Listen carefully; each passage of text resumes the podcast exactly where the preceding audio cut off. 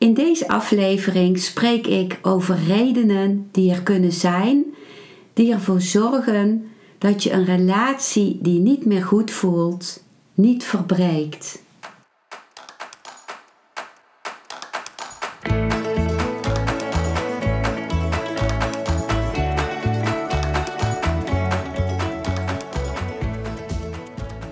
Welkom bij een nieuwe aflevering van Modita's podcast Van Pijn naar Zijn.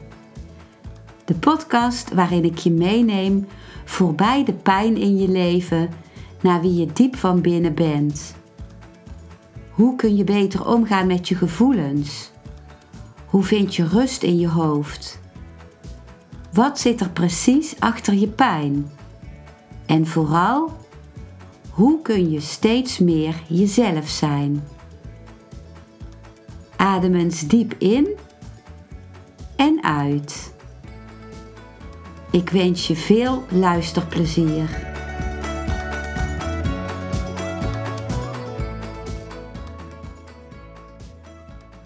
Eerst deel ik de woorden van het filmpje van mijn YouTube-kanaal Modita van Zummeren met dezelfde titel als deze podcastaflevering.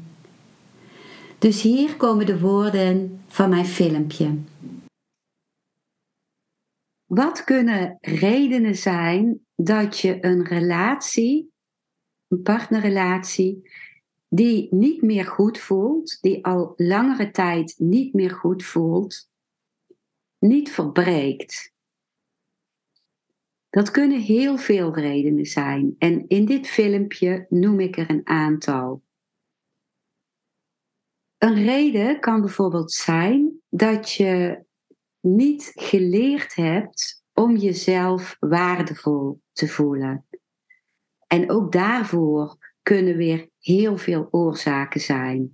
Dat je een negatief zelfbeeld hebt gekregen.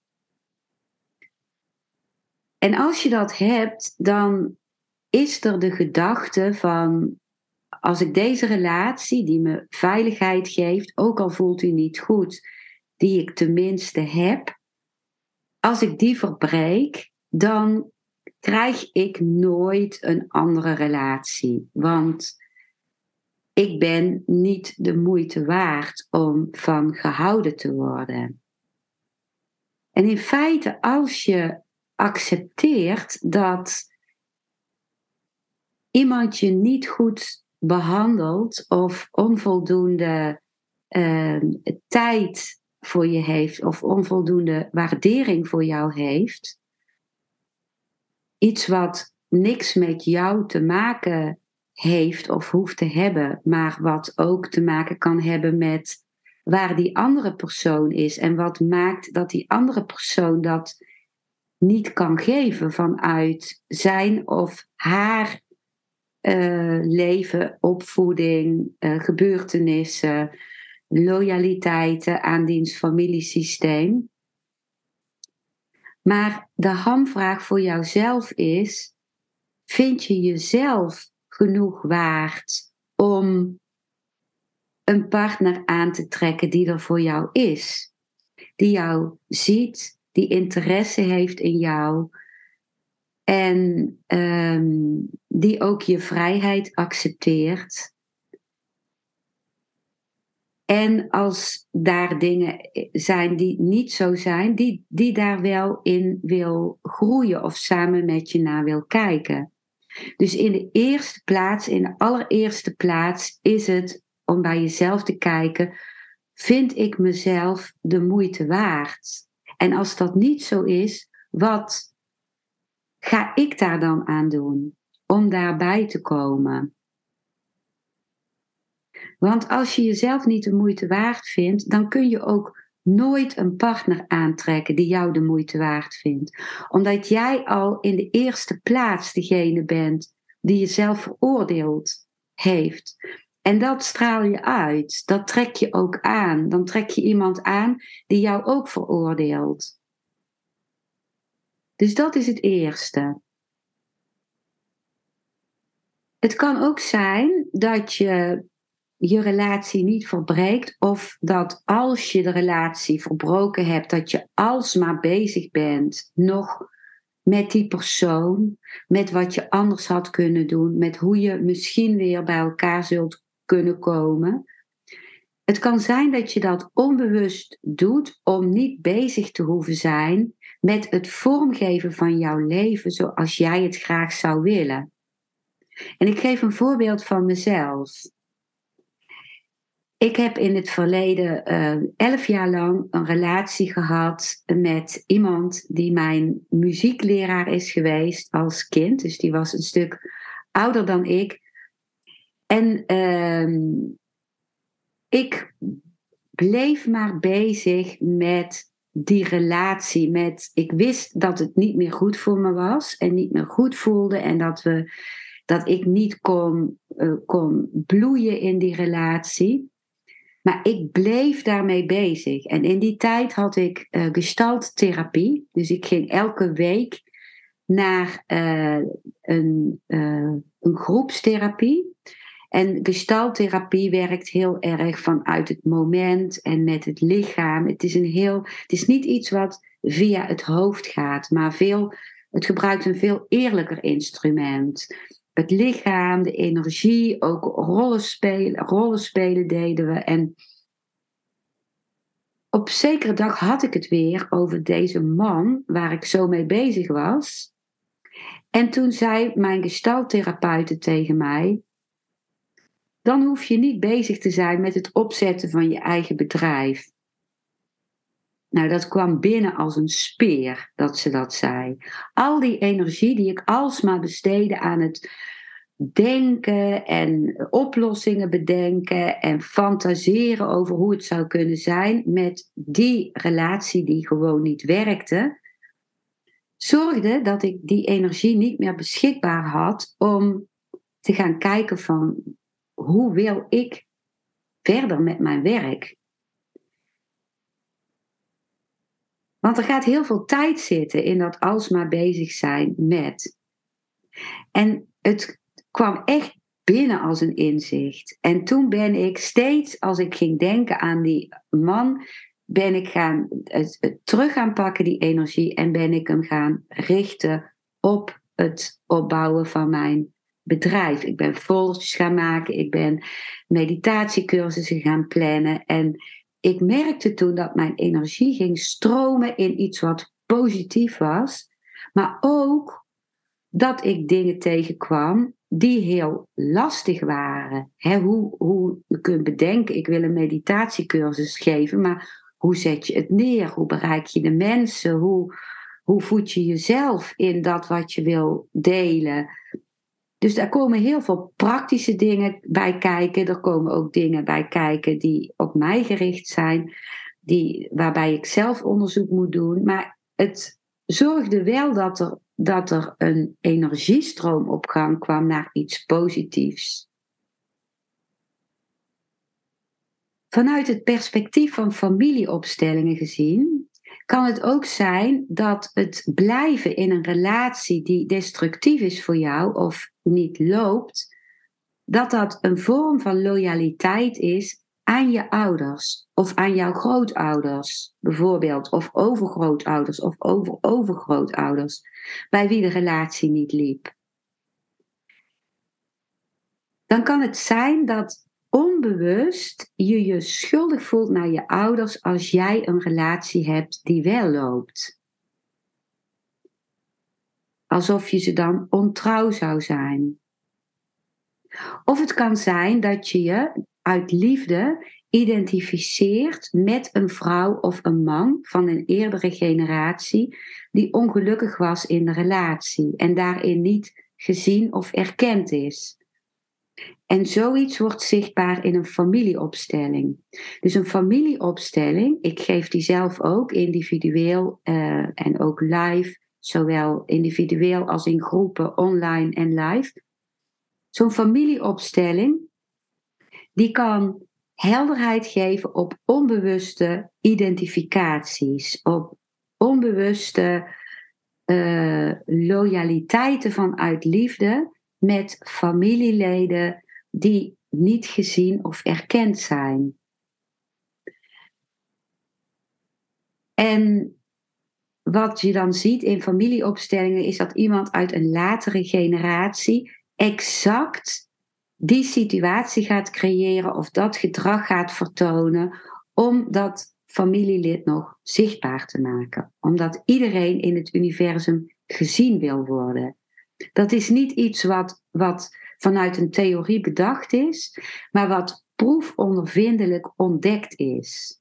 Ontdekt.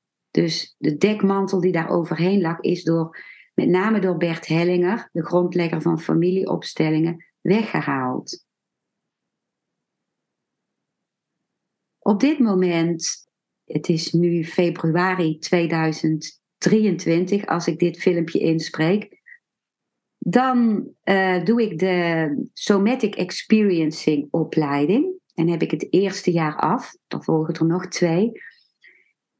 Dus de trauma-helingsopleiding. En wat ik daar leer en ook ervaar, is dat als je uh, trauma in een trauma-reactie zit, dus als er een traumatische gebeurtenis of een chronische situatie van iets wat traumatisch is in jouw leven is geweest, en dat kan zelfs al zijn geweest voordat je een geheugen had, dus toen je nog heel klein was, dan ben je als het ware nog steeds bevroren in dat verleden, omdat je de, de, de reactie die nodig was geweest bij die sterke traumaprikkel niet hebt kunnen afmaken.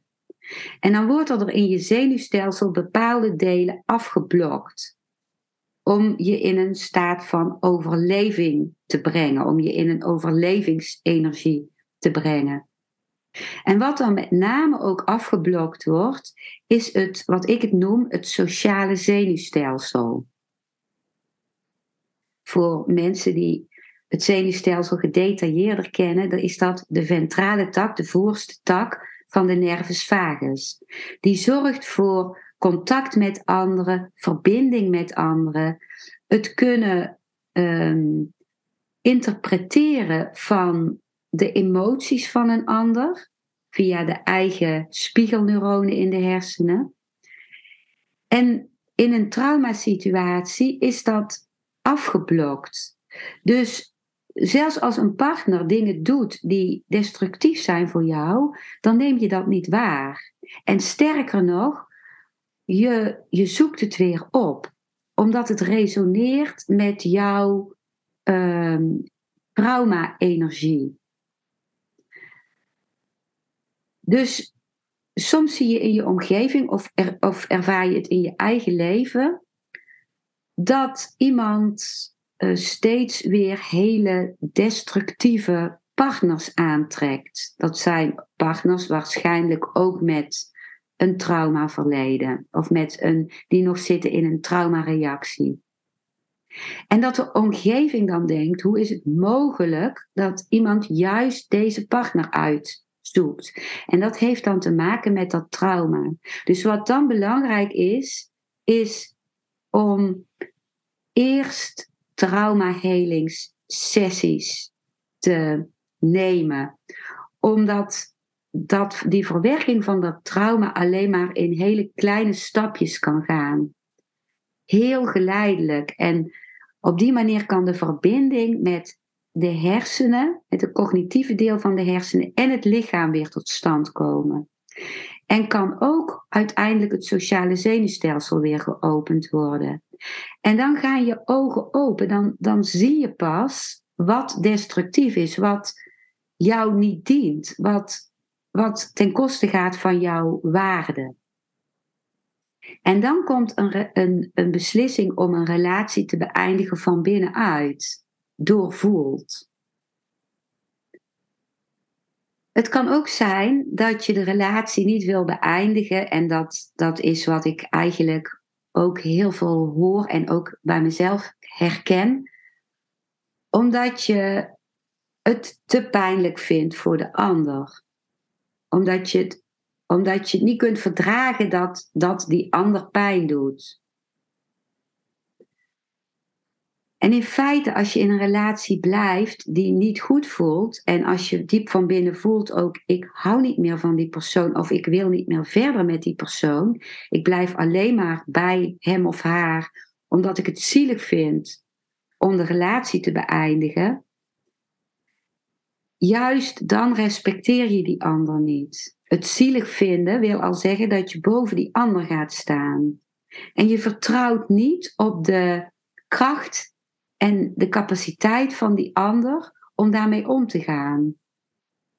En het kan zijn dat de ander zegt: Ik maak een eind aan mijn leven als je bij me weggaat. En dat is manipulatie in feite. En als iemand een eind wil maken aan zijn leven, doet hij dat sowieso. Dat hangt er niet van af of jij bij die persoon blijft of niet. Dan is er al een tendens in die persoon om een eind te maken aan het leven. En je kunt iemand juist dienen uiteindelijk in een breder perspectief om de relatie te beëindigen. Je geeft ook die ander weer een nieuwe mogelijkheid. Een mogelijkheid om zelf inzicht te krijgen. En dat is een keuze van die ander, die die wel of niet kan nemen. Je geeft een mogelijkheid om een andere partner te vinden die beter bij die ander past. En vooral blijf je ook in je eigen eerlijkheid en authenticiteit naar jezelf. En wanneer je de pijn van een ander niet kunt verdragen, dat die ander pijn heeft, en als je niet vertrouwt dat die ander daarmee om kan gaan, dan zegt dat ook heel veel over jezelf. In hoeverre kun jij je de pijn van een scheiding verdragen en in hoeverre kun jij ermee omgaan? Dus je kunt helemaal buiten jezelf gaan kijken naar die ander en voor die ander gaan zorgen, zoals je dan, als je dat doet, zoals je dat waarschijnlijk ook hebt gedaan voor jouw ouders, dat je voor een van je ouders bent gaan zorgen, emotioneel, dat kun je weer voortzetten bij die partner. Of je kunt het zien en gaan denken: oké, daar doe ik het weer. En dan ervaren wat er bij jou zelf gebeurt. Welke pijn is van jou of welke opluchting is van jou. Als je besluit om een relatie te beëindigen, mag daar ook opluchting over zijn of mag daar ook vreugde over zijn dat je deze stap hebt gezet. Het kan ook zijn dat je je relatie in stand wil houden omdat je voelt dat je financieel afhankelijk bent van de ander en niet weet hoe je dan zelf aan geld zult komen of aan een huis. Dus er zijn ook heel veel praktische dingen. En die ook vaak niet gemakkelijk zijn. Maar die als je eraan gaat staan ook heel veel creativiteit kunnen geven. En soms kan het ehm, heel veel levendigheid geven als je bijvoorbeeld een tijd in een caravan gaat wonen of in een. Ik ken zelfs een man die heeft daar een heel vlog over. Ik weet helaas zijn naam niet meer. Die is in, in zijn auto in een soort bestelbusje gaan leven. En daar leeft hij nog in, omdat het hem zoveel heeft gegeven. En natuurlijk is dat niet voor iedereen weggelegd. Als je kinderen hebt, dan, dan, dan is dat praktisch onmogelijk. Maar het kan ook creativiteit geven. En kleiner gaan wonen is niet per definitie slechter. Zeker niet als het vanuit een keuze is die een groter doel dient om trouw te zijn aan jezelf. Voor mensen met kinderen is het ook heel lastig, de scheiding vanwege de kinderen. Dus kinderen, voor kinderen is het heel pijnlijk als de ouders uit elkaar gaan, meestal. Soms zijn de kinderen ook opgelucht als er veel ruzies waren. En dan denkt de ouder van, ik blijf bij de ander vanwege de kinderen. Maar de kinderen voelen wanneer de relatie niet klopt of slecht is. Dus de vraag is of je je kinderen daarmee dient. En wat wel belangrijk is voor de kinderen, is dat, je, dat er geen vechtscheiding komt. Dat je altijd met respect over de andere ouder van het kind blijft spreken. En dat je van binnenuit een houding hebt naar het kind van als ik naar jou kijk, dan zie ik je vader of je moeder, dan zie ik mijn partner. Dat geeft het kind het gevoel dat beide ouders in het kind verenigd blijven. En als laatste wil ik noemen, uh, als je een alleengeboren tweeling bent. Ik ben zelf een alleengeboren tweeling, dus mijn tweelinghelft is in de baarmoeder overleden. En dat is bij heel veel mensen zo, omdat één op de zes of acht zwangerschappen is een meerlingenzwangerschap. Ook als de moeder het zelf niet geweten heeft. Dus als jij een alleengeboren tweeling bent, dan is een scheiding van een partner raakt die diepe wond van het verlies van de tweelinghelft in de baarmoeder. Dus een alleengeboren tweeling, die zal er alles aan doen om bij de partner te blijven, ook als die relatie al heel lang niet meer goed voelt. Dus het is belangrijk voor de alleengeboren tweeling om dat te erkennen en dat te zien. Dit waren de woorden van mijn filmpje. Nu deel ik woorden van Osho over de angst voor eenzaamheid. Iemand vraagt Osho: Osho, ik ben altijd bang om eenzaam te zijn. Als ik alleen ben, begin ik me af te vragen wie ik ben. Osho zegt dan: Het is niet alleen jouw angst.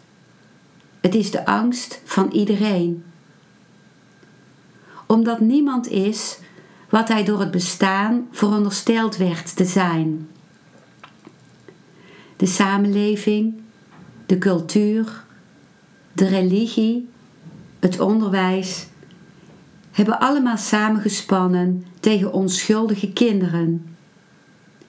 Ze hebben alle macht en het kind is hulpeloos en afhankelijk. Dus wat ze ook van hem willen maken, ze slagen erin om het te doen. Ze laten geen enkel kind groeien naar zijn natuurlijke bestemming. Ze doen er alles aan om van mensen gebruiksvoorwerpen te maken. Wie weet of als een kind alleen wordt gelaten om op te groeien, het van enig nut zal zijn voor de gevestigde orde of niet. De samenleving is niet bereid het risico te nemen. Die grijpt het kind vast en begint hem te vervormen tot iets dat de samenleving nodig heeft. In zekere zin doodt zij de ziel van het kind en geeft ze hem een valse identiteit, zodat hij zijn ziel, zijn wezen niet mist. De valse identiteit is een substituut. Maar dat substituut is alleen nuttig in dezelfde mensenmassa die hem aan je gegeven heeft. Op het moment dat je alleen bent, begint het onechte uiteen te vallen en begint het verdrongen echte stuk in jezelf zich uit te drukken. Vandaar de angst om eenzaam te zijn. Niemand wil eenzaam zijn. Iedereen wil bij een mensenmassa horen. Niet slechts één massa, maar vele massa's. Een persoon behoort tot een religieuze massa, een politieke partij, een Rotary Club. En er zijn vele andere kleine groepen om toe te behoren. Iemand wil 24 uur per dag ondersteund worden omdat het onechte zonder ondersteuning niet kan bestaan. Op het moment dat je alleen bent, begin je een vreemd soort gekte te voelen. De persoon die de, die de vraag stelde aan Osho zegt dan: Ja, als ik alleen ben, begint het als een soort waanzin te voelen. Waarom is dat? Osho zegt dan: De angst dat ik mezelf aan het verliezen ben, mijn zintuigen, mijn gezond verstand, mijn geest, alles, is omdat het zelf dat je door anderen is gegeven uit al deze dingen bestaat. Het lijkt dan alsof je gek wordt. Je begint meteen iets te doen om jezelf bezig te houden. Als er geen mensen zijn, dan is er tenminste nog actie. Dus het onechte stuk in jezelf blijft bezig en begint dan tenminste niet te verdwijnen. Blijf betrokken. Doe wat voor onnozel iets dan ooit, dan ook. Mensen rennen naar de stranden, bumper aan bumper, kilometers lang verkeer. En als je ze vraagt waar ze heen gaan, zeggen ze dat ze weggaan van de menigte. En de hele menigte gaat met hen mee. Ze zijn op weg om een eenzame, stille plek te vinden. Allemaal.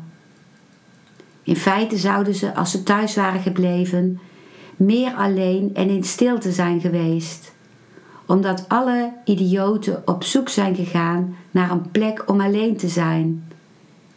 En ze haasten zich als een gek, want binnenkort zijn de twee dagen voorbij. Ze moeten en zullen het bereiken.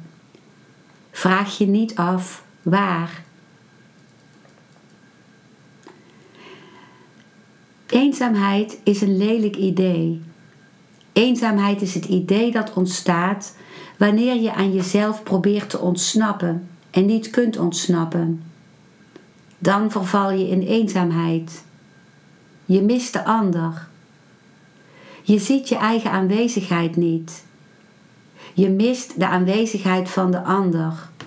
Je hele focus is verkeerd. Je kijkt niet naar jezelf. Je kijkt naar buiten. Je zegt: Er moet hier een vriend zijn. Of moet ik naar het restaurant gaan? Of moet ik naar een club gaan? Of naar de bioscoop? Of tv kijken? Wat moet ik doen? Je kijkt niet naar binnen. Je kijkt naar buiten. Je wacht op de ander. Je ogen zoeken de ander. En de ander is niet. Als de ander niet is, voel je je eenzaam. Als je bent, voel je je alleen. Alleen zijn is als een bloem. Ik weet dat je woordenboeken zullen zeggen dat eenzaamheid en alleen zijn synoniemen zijn. Dat zijn ze niet. Het zijn totaal verschillende fenomenen. Eenzaamheid is een wond en kan uitgroeien tot kanker. Veel meer mensen sterven aan eenzaamheid dan aan welke andere ziekte dan ook. De wereld is vol eenzame mensen. En vanwege hun eenzaamheid blijven ze allerlei domme dingen doen om die wond, dat hol zijn, die leegte, die negativiteit op de een of andere manier op te vullen. De eenzame persoon begint veel te eten, alleen maar om zich vol te voelen. De eenzame persoon begint vet te verzamelen. De eenzame persoon begint alcohol of andere drugs te gebruiken, van soma tot LSD, omdat hij zichzelf wil vergeten. De eenzaamheid is zo lelijk, zo eng, zo doods, dat je eraan wilt ontsnappen. De eenzame persoon zit vier, vijf, zelfs zes uur voor zijn tv vastgelijmd aan zijn stoel. De mens wordt geboren in een familie tussen mensen. Vanaf het allereerste moment is hij niet alleen. Daarom krijgt hij een bepaalde psychologie van het altijd bij mensen willen blijven. In eenzaamheid begint hij bang te worden, krijgt hij onbekende angsten. Hij weet niet precies waar hij bang voor is, maar als hij zich uit de menigte verwijdert, wordt er iets in hem ongemakkelijk. Als hij bij anderen is, voelt hij dat het gezellig is, voelt hij zich op zijn gemak, comfortabel. Het is om deze reden dat hij nooit de schoonheid van alleen zijn leert kennen. De angst houdt hem tegen. Omdat hij in een groep is geboren, blijft hij onderdeel van een groep.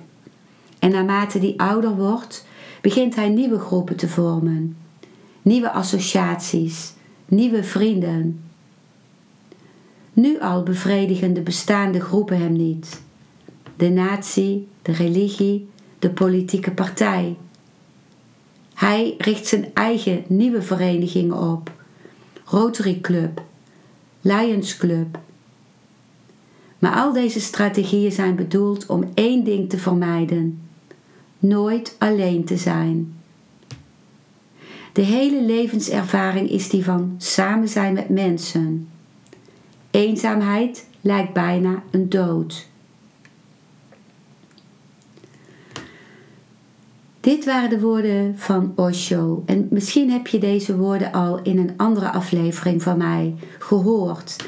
Maar mijn ervaring is dat de woorden van Osho steeds weer nieuw zijn. Omdat op een ander moment in je leven ben je weer ergens anders. En heb je al iets gedaan met de eerste keer dat je de woorden beluisterde. Ik vond het belangrijk om deze tekst op te nemen in deze aflevering, omdat mijn ervaring is dat als ik kan staan in mijn alleen zijn, ik vanuit een ruimer en uh, helderder perspectief kijk naar mijn relaties. En ook helderder kan kijken naar: wil ik met deze relatie doorgaan of wil ik deze relatie beëindigen?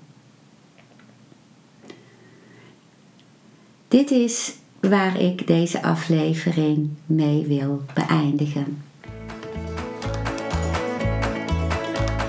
Dankjewel voor het luisteren naar deze aflevering. Ik hoop dat hij je een nieuw inzicht of perspectief heeft gegeven. Ik hou van interactie, dus als je iets wilt delen, stuur me dan een mailtje op info@genietenvanmeditatie.nl. Ik geef je dan altijd antwoord. Ik wens jou dat je vreugde in het dagelijks leven zult ervaren en innerlijke rust. En dat je steeds meer je pijn zult kunnen omvormen in zijn. Je kunt de afleveringen van deze podcast volgen via Spotify, Google Podcast, Apple Podcast en Podbean door op de volg- of abonneerknop te klikken. Als je luistert via de Apple Podcast, dat kan alleen als je een iPhone hebt, heb je een extra voordeel. Omdat als je op de knop abonneren klikt, je steeds een berichtje op je mobiele telefoon ontvangt als er weer een volgende aflevering van mijn podcast verschijnt. Je bent van harte welkom bij die volgende aflevering.